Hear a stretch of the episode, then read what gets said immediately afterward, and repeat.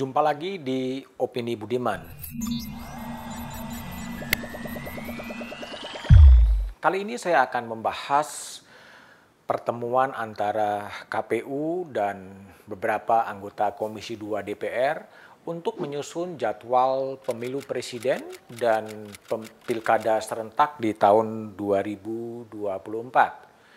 Dikabarkan pertemuan yang sifatnya belum final itu menentukan tanggal pemilu presiden adalah hari Rabu 28 Februari 2024 dan pilkada serentak 2024 akan dilangsungkan pada 27 November hari Rabu di tahun 2024. Informasi itu memang belum final karena masih dikerjakan oleh tim KPU dan Komisi 2 DPR dan juga pemerintah.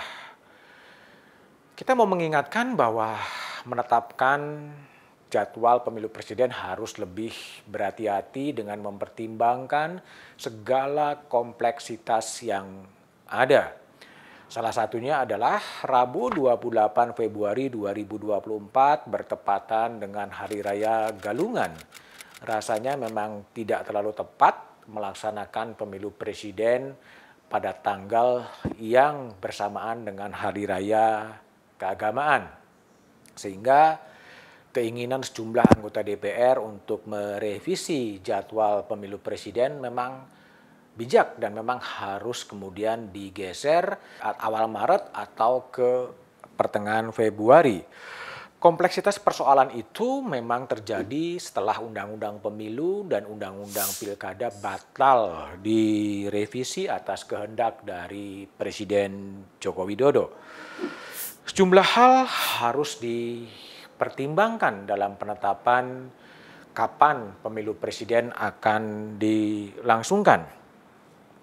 Yang pertama adalah jika tahapan jika pelaksanaan pemilu presiden akan dilangsungkan pada 28 Februari 2024, tahapan pemilu itu akan dilaksanakan 20 atau 24 sebelumnya.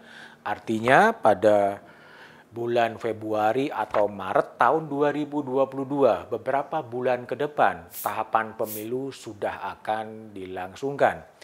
Situasi ini tentunya bisa saja menyulitkan pemerintahan dari Presiden Jokowi karena tahapan pemilu sudah akan dimulai pada Februari atau Maret 2022.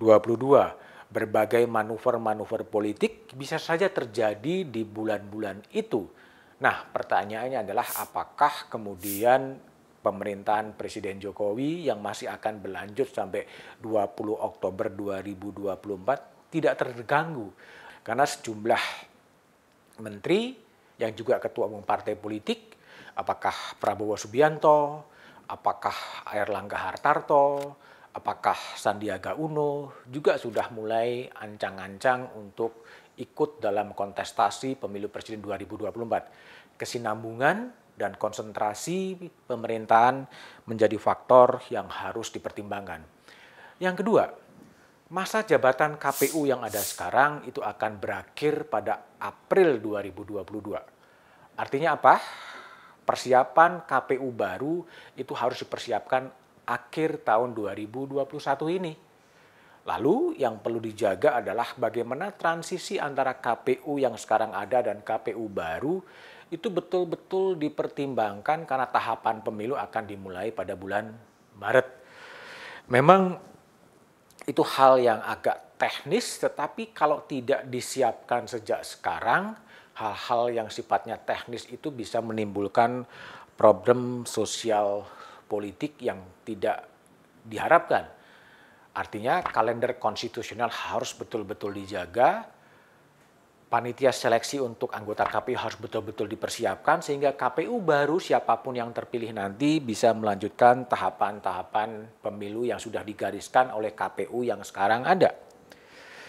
Yang ketiga, jika pemilu presiden ditetapkan pada bulan Februari 2024, tentunya berdasarkan quick count, berdasarkan penghitungan manual di KPU sudah diketahui siapa presiden terpilih.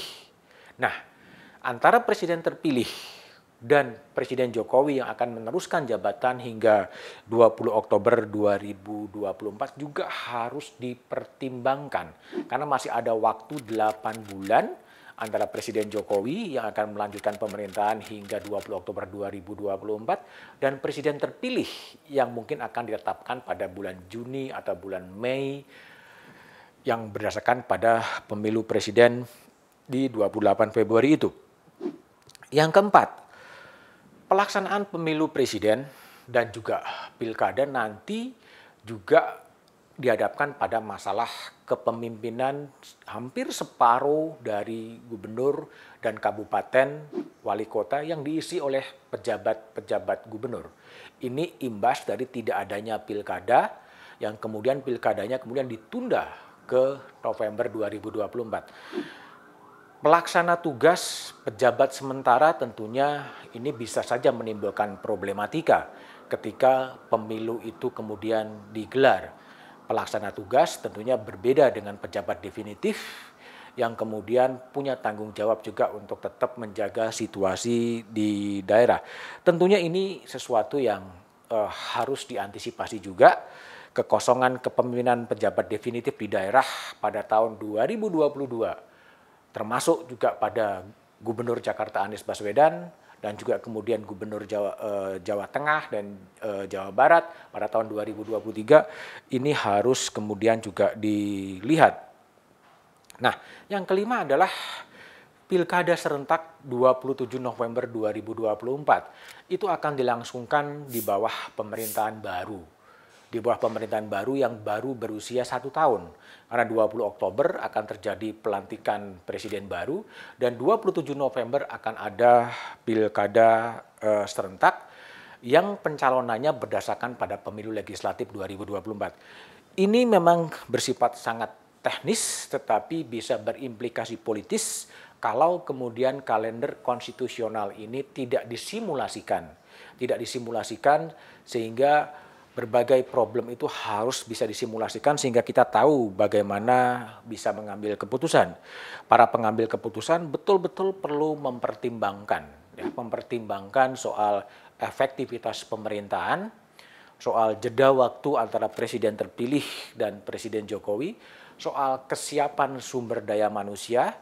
2019 menunjukkan pemilu yang super kompleks memakan banyak korban kita tentunya tidak ingin sebuah proses pemilu demokratis kemudian mengakibatkan banyak korban jiwa karena kelelahan atau karena sebab lain, tetapi bagaimana sirkulasi kekuasaan itu bisa berjalan damai.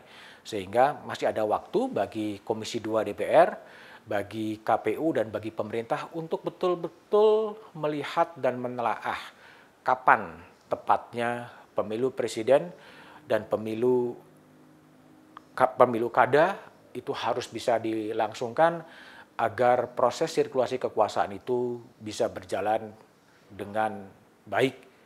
Ini teknis, tetapi ketika urusan-urusan teknis ini tidak dipertimbangkan dengan baik, bisa menjadi masalah politik.